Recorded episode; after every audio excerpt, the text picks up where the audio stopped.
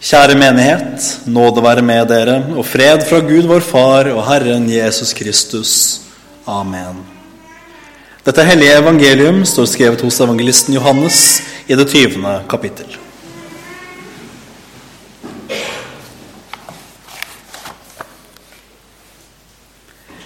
Men en av de tolv, Thomas, det er tvilling, var ikke sammen med dem da Jesus kom. De andre disiplene sa da til ham, Vi har sett Herren. Men han sa til dem, Dersom jeg ikke får se naglemerket i hendene hans, og stikke fingeren min i naglegapet og legge hånden min i hans side, vil jeg ikke tro. Åtte dager deretter var disiplene hans igjen inne, og Thomas var med dem. Da kom Jesus mens dørene var, dørene var lukket. Han sto midt iblant dem og sa, Fred være med dere. Deretter sier han til Thomas, Rekk fingeren din hit og se hendene mine. Og rekk hånden din hit, legg den i min side, og vær ikke vantro, men troende. Thomas svarte og sa til ham, Min Herre og min Gud. Jesus sier til ham, Fordi du har sett meg, tror du. Salige er de som ikke ser, og likevel tror. Også mange andre tegn gjorde Jesus for disiplenes øyne, tegn som det ikke er skrevet om i denne boken. Men disse er skrevet for at dere skal tro at Jesus er Messias, Guds sønn, og for at dere skal ha og for at dere ved troen skal ha liv i Hans navn. Slik lyder det hellige evangelium.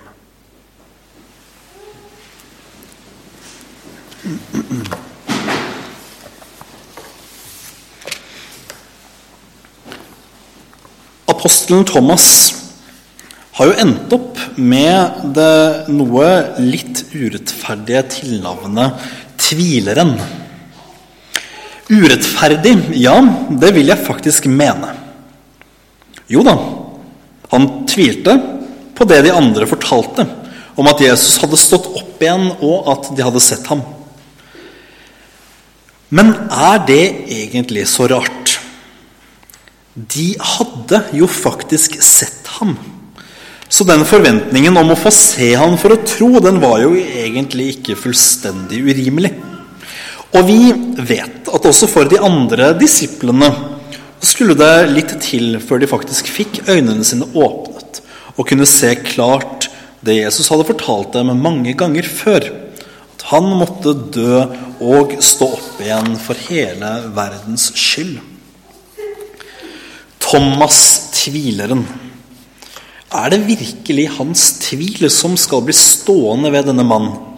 som etter det vi hører fra tradisjonen, reiste så langt som til India for å forkynne evangeliet der, og hvor det fremdeles finnes kristne som regner seg som hans etterkommere. Det syns jeg ikke er rimelig. På samme måte som vi ikke mm, utilbørlig henger oss fast i Peters fornektelse, så må vi ikke henge oss opp i Thomas' tvil heller. For Peters svik, det var egentlig ganske mye verre. Men også for det var det nåde og oppreisning.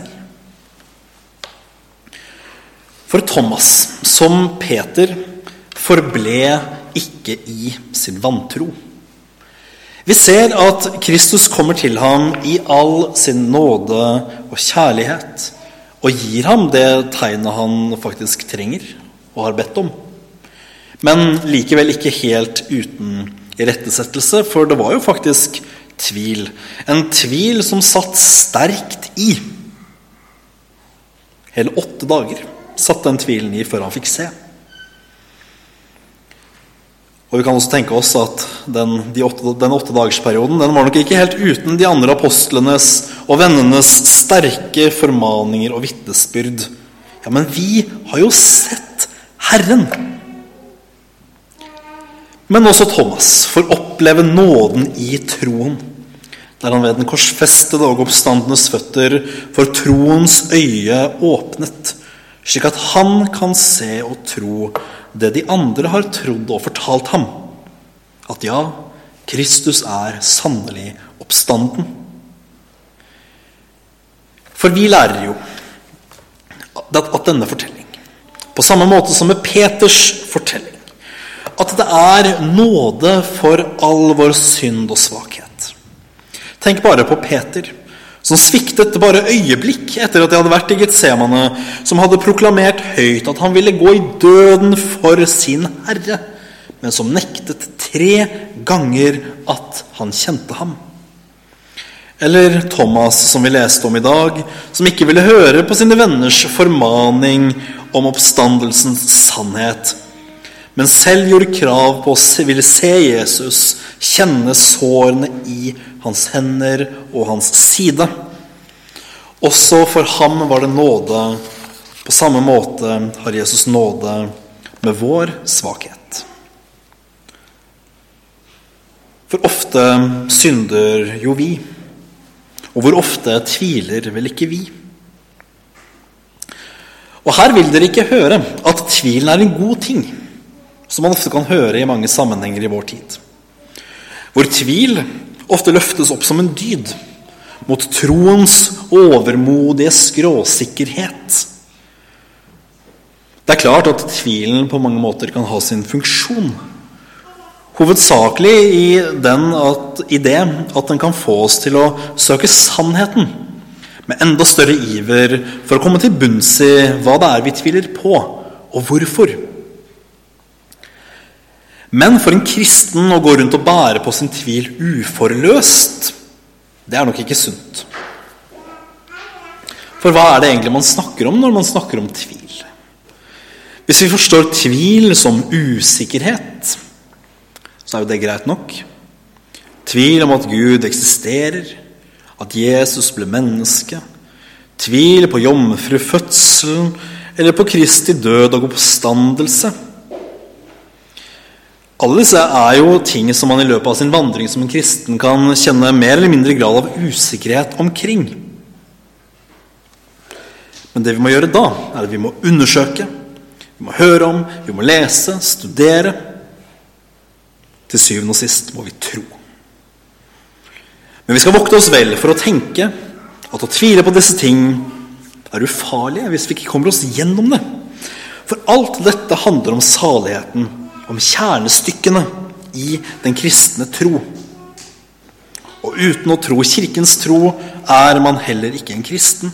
Og da kan vi ikke henfalle i tvil og tenke at der kan vi bli. For konsekvensene kan være skumle. Hvor er vi om vi tviler på saligheten? På frelsen? Døde virkelig Kristus? Sto han virkelig opp? Ja, da henger jo hele frelsen i en tynn tråd. Det må Gud hjelpe oss fra. Men også dette sørgelige som vi noen ganger kan kjenne i vår store sorg og nød over synden. Den verste og ondeste tvil av dem alle. Ikke den som spør døde virkelig Kristus, men døde Kristus virkelig for meg? Sto han opp for min rettferdighet? Er mine synder tilgitt? Ja, Dette er vel tvil vi alle kan ha kjent på i løpet av livet. Særlig når vi føler at en synd eller flere vi har gjort, er særlig stor. Eller at vi sliter med å legge av oss særskilte synder så de stadig kommer tilbake. Nå må det vel være slutt på Guds tålmodighet. Gjelder nåden virkelig meg? Dette er en skummel og en sørgelig tanke. Den er sørgelig, fordi den kommer fra hjertets dype fortvilelse over ens egen synd. Men hvis vi ikke kommer oss opp fra dette, så blir det også skummelt. For om vi ikke klarer å se videre, dersom vi bare blir i dette, ja, da er veien til vantroen kort. Den er veldig kort.